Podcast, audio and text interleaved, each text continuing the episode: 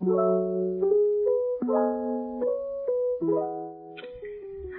Sobat Suara, kembali lagi di podcast Basuara Bersuara. Aduh, apa kabarnya nih sobat suara semuanya di mana pun kalian berada? Beli garam ke warung Bu Ara, pulangnya ke rumah Bu Gia. Apa kabar sobat suara? Semoga sehat selalu dan bahagia.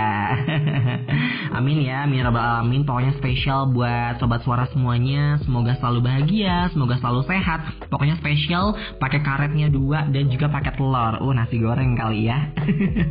sorry sorry bercanda terus nih ya. Hmm, di podcast kali ini tentunya di narasi internal ada yang spesial banget nih. Apa tuh yang spesial? Yaitu adalah hostnya baru.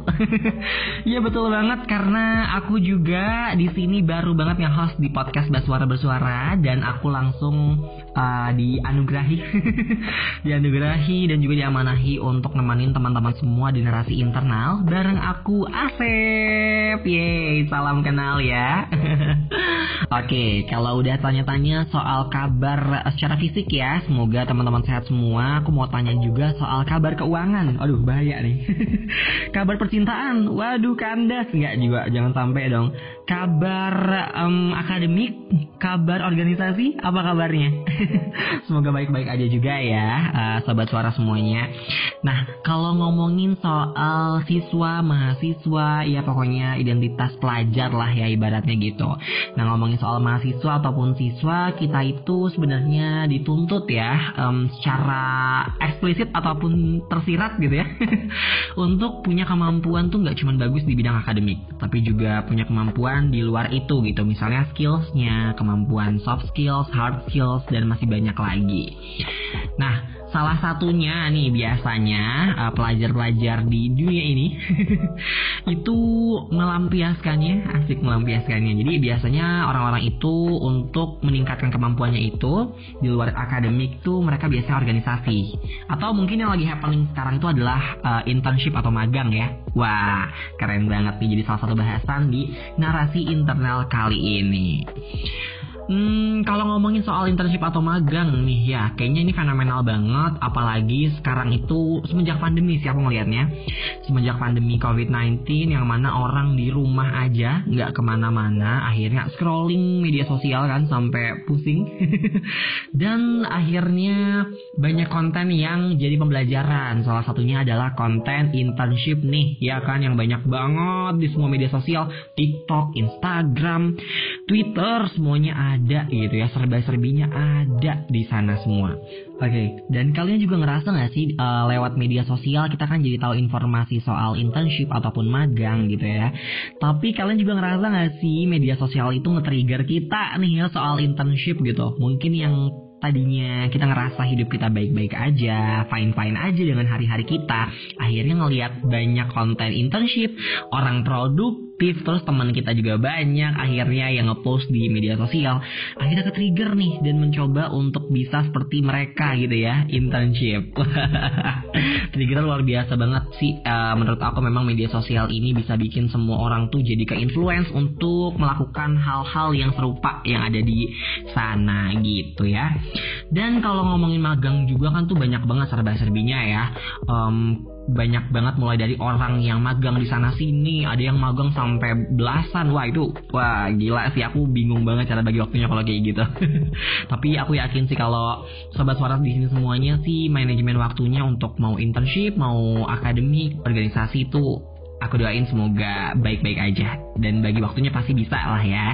Nah um, ya hal yang menarik dari magang ini tuh akhirnya jadi banyak orang-orang yang ngerasa karena di tengah pandemi terus juga um, kerjanya bisa WFH gitu ya work from home gitu. Jadi banyak banget orang yang ngambil kesempatan magang di mana pun tanpa lihat kapasitas diri. Yang akhirnya jadi toxic productivity gitu. Um, tenang tenang tenang tenang tapi kita nggak akan bahas itu secara mendalam ya. Karena aku pengen bahas sih sebenarnya lebih ke serba-serbi magang aja gitu ya. Mungkin ada pengalaman aku atau cerita-cerita teman-teman aku yang relate juga sama cerita kalian gitu kan. Siapa tahu ya kan? Kita bisa berbagi bersama di sini. Nah aku juga mau nanya sama teman-teman semuanya nih. Ada yang udah mulai magang atau di sini masih hmm, cari-cari kesempatan? Atau kayaknya udah punya planning nih mau magang kapan waktunya gitu. Pokoknya apa pun rencana kalian sih aku doain yang terbaik aja buat kalian ya Gak cuma itu, ngomongin soal magang juga banyak banget pembahasan yang sering aku obrolin sama teman-teman semuanya nih. Dan aku juga hari ini mau ngobrol bareng sobat suara semua. Nah terus gimana sih ya kalau misalnya kita magang itu pas lagi momen kuliah kayak gini nih, kayak sekarang-sekarang ini. Waduh, itu di otakku sih udah pasti kayak keteteran terus kepikiran hal-hal lain gitu loh kayak gimana cara bagi waktunya apalagi yang magang sambil misalnya punya online shop atau misalnya yang magang sambil uh, ngerjain project-project lain. Wah itu luar biasa banget sih kayaknya cobaannya untuk bisa manajemen waktu um, tenang tenang tenang dan aku juga apa ya penasaran juga sama teman-teman aku yang kok bisa ya bagi waktu di tengah kesibukannya apalagi internship gitu itu kan pasti juga dia punya trik-trik sendiri ya untuk um, menangani itu. Nah, menurut aku pribadi nih, sobat suara, kalau ngomongin soal magang itu ada plus minusnya ya, terutama magang sambil kuliah. Mungkin ya pasti beberapa orang juga banyak yang keteteran, tapi ada juga yang justru dia nyaman sama keadaan itu. Itu yang bakal kita obrolin juga nih. Menurut sobat suara gimana nih uh, insightnya? Atau mungkin sobat suara di sini ada yang ngerasa keteteran juga nih karena lagi magang sambil kuliah, atau ada juga yang lagi um, nyaman-nyaman aja gitu karena magang sambil kuliah jadi produktif ya, jadi nggak ada waktu kosong gitu. Um, ngomongin uh, plus minusnya magang ya, menurut aku um, plusnya itu ya pasti ada experience ya buat teman-teman semuanya di tengah kuliah gini kan, apalagi online tuh banyak juga yang ngerasa perkuliahannya tuh kurang efektif, jadi akhirnya mencari implementasi ilmu-ilmunya itu dari magang gitu. Tapi ada juga teman-teman yang akhirnya ngerasa kuliah sama magang ini fokusnya kebagi gitu. Jadi kuliahnya keteteran magang pun tidak maksimal. Itu semua kembali lagi ke orangnya masing-masing dan kapasitasnya ya. Jadi nggak bisa digeneralisasi gitu. Tapi ya gak cuman itu. Aku tuh banyak banget dapat cerita dari teman aku dari Twitter juga. Aku bukan bermaksud untuk gimana nih. Tapi yang aku baca dan aku lihat juga dari cerita-cerita teman aku aku dengarkan itu banyak juga permasalahan uh, di magangnya sendiri gitu. Jadi ada yang apa ya overwork mereka ngerasa rasanya gitu. Ada yang depresi ada yang uh, macam-macam lah pokoknya permasalahannya gitu. Bahkan dari insentif pun ada yang worth it ada juga yang nggak worth it Hmm, ngomongin soal magang juga, ini ada kabar yang lagi happening banget ya di dunia permagangan duniawi. Asik permagangan duniawi gak atau soal magang merdeka dari Kementerian Pendidikan dan Kebudayaan gitu ya, atau teman-teman semuanya bisa biasa dengar dengan MBKM kalau aku nggak salah gitu ya. Nah itu dia tuh lagi happening banget ya, karena banyak banget um, anak-anak mahasiswa, anak-anak mahasiswa nggak tuh, banyak banget teman-teman mahasiswa yang punya kesempatan magang di perusahaan-perusahaan besar lewat kampus Merdeka ini. Jadi banyak banget uh, mulai dari pendaftarannya aja tuh udah hektik banget ya. Maksudnya bikin semuanya ketar-ketir gitu kan. Karena nyiapin diri, nyiapin CV, nyiapin mental, nyiapin segala macamnya itu benar-benar um, jadi pusat perhatian banget. Apalagi banyak juga yang cerita-cerita di media sosial. Udah siapin capek-capek nggak keterima. Ada juga yang keterima tapi juga bermasalah. Nah itu yang jadi uh, hal menarik ya.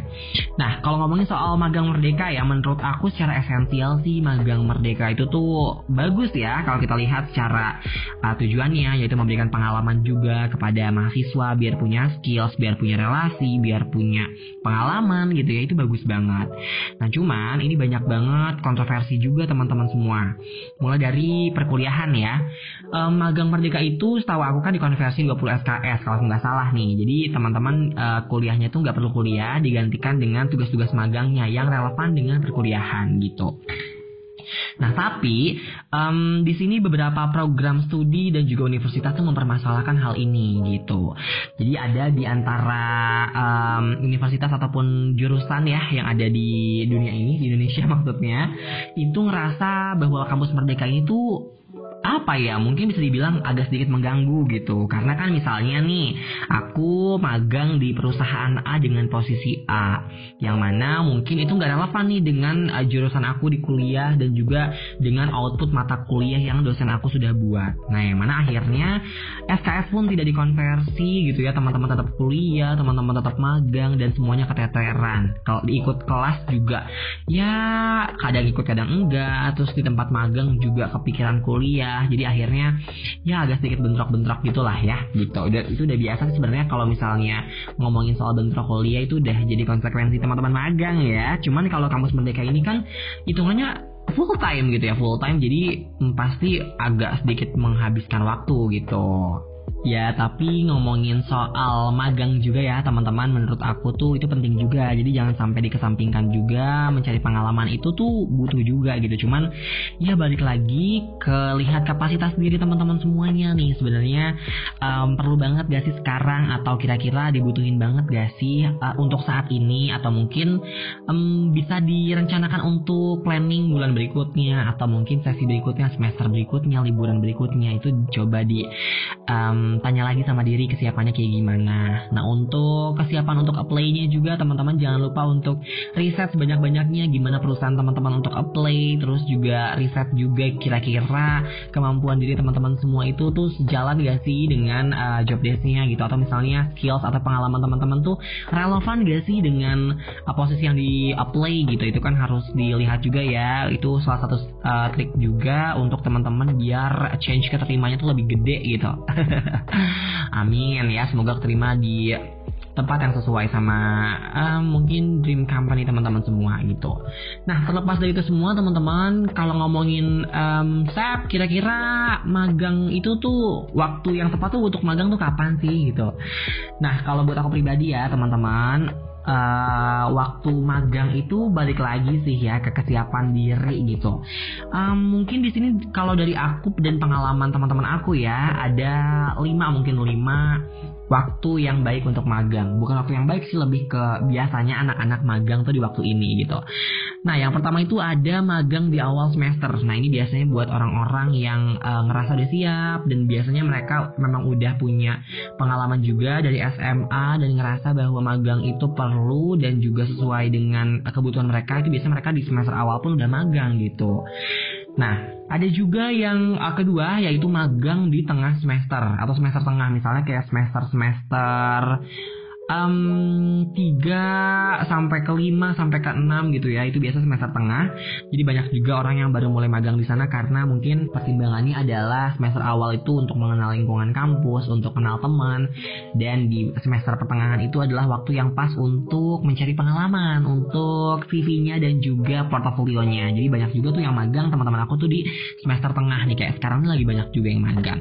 Nah, untuk yang ketiga itu waktu yang pas untuk magang tuh ada di semester nih. Biasanya um, mahasiswa mahasiswa tingkat akhir yang magang di akhir semester itu memanfaatkan peluang tersebut tuh untuk bisa jadi karyawan tetap gitu ya. Karena kan juga udah gak ada kuliah jadi bisa fokus magang. Yang mana kalau kerjaannya bagus bukan nggak mungkin teman-teman direkrut jadi pekerja di perusahaan tersebut. Waduh luar biasa juga nih ya. Tapi jangan lupa sampai skripsinya selesai juga ya. Jangan sampai ketunda gitu ya kata magang nah ada juga yang keempat yaitu magang setelah lulus. Jadi banyak juga nih ternyata pas aku ngobrol-ngobrol sama teman-teman aku, mereka fresh graduate itu banyak juga yang baru mulai magang untuk uh, nambahin pengalaman di CV dan juga portfolio ataupun yang sekarang ini platform lagi rame-ramenya tuh kayak Kaliber, LinkedIn gitu ya. LinkedIn tuh jadi itu bisa pengalaman juga tuh kalau misalnya teman-teman magangnya setelah lulus atau fresh graduate gitu. Biasanya banyak juga kok perusahaan yang buka magang itu setelah lulus gitu maksudnya buat orang-orang yang sudah lulus atau fresh graduate gitu. Dan yang kelima yang terakhir tuh ada juga magang di waktu libur nih ya daripada rebahan atau mungkin pusing ya ngeliatin teman-temannya udah pada di mana kita masih diem-diem aja gitu kan. Nah mungkin teman-teman bisa mengisi waktu kosongnya dengan magang dan juga eh, nggak uh, salah juga sih kalau teman-teman fokus di organisasi atau mungkin mau volunteer atau kegiatan-kegiatan lainnya yang pastinya tetap produktif ya. Dan kalau bisa magang sih ya boleh mangga magang, tapi kalau misalnya nggak mau magang ya cari kesibukan lainnya yang tentunya bisa ningkatin skill teman-teman semua. Kayak gitu. Nah itu dia serba-serbi magang teman-teman semuanya ya. Itu dia bahasan dari awal sampai akhir apa pun planning kalian semoga dilancarkan ya sobat suara semuanya di sini yang mau magang, yang mau internship, yang mau volunteer itu semoga dilancarkan. Dan uh, tips dari aku sih tadi ya, lihat lagi kalau mau magang uh, kapasitas diri kita kira-kira kita butuh atau enggak, kita mampu atau enggak. Jangan sampai um, overwork ya teman-teman semuanya. Amit-amit kalau sampai depresi gitu ya jangan sampai. Teman-teman semuanya pokoknya harus menikmati semua proses kehidupan ini. Jadi kalau misalnya sekarang yang uh, merasa bahwa belum uh, siap dan juga belum butuh ya mungkin nggak apa-apa. Coba cari kesibukan lain yang sekiranya bisa teman-teman lakukan gitu ya mengisi kekosongan-kekosongan hari bukan kekosongan hati. Karena kekosongan hati itu diisinya sama yang bisa ngisi hati juga sih sedih banget sih. Oke mungkin daripada ke mana-mana um, itu aja. Mungkin sobat suara semuanya podcast uh, di narasi internal kali ini soal serba serbi magang. Kalau misalnya teman-teman semuanya pengen bahas lebih lanjut mungkin bisa DM Instagram aku kali ya. Atau DM Instagramnya um, sobat suara semuanya di sini. Bisa follow Instagramnya akademis gitu ya. Bisa ngobrol-ngobrol dan juga banyak tips-tips soal magang dan akademis di sana gitu. Dah itu aja mungkin ya buat sobat suara semuanya jangan lupa untuk dengarkan terus podcast uh, Baswara Bersuara dan tentunya dengan penyiar-penyiar waduh penyiar-penyiar di radio nih bersama host-host yang kece badai dan juga dengan konten-konten yang relate banget dan semoga sedikit banyak konten hari ini bisa uh, relate ya sama teman-teman semua dan semoga mewakilkan perasaan kalian-kalian semua nih yang sekarang lagi sibuk untuk magang. Waduh. Oke itu dia um, konten hari ini. Terima kasih kepada seluruh sobat suara di mana pun kalian berada yang sudah mendengarkan podcast ini. Jangan lupa untuk dengarkan terus podcast Bas Suara Bersuara dan tentunya di narasi internal sampai bertemu lagi dengan aku. Bye bye, sehat selalu kalian. Sampai jumpa.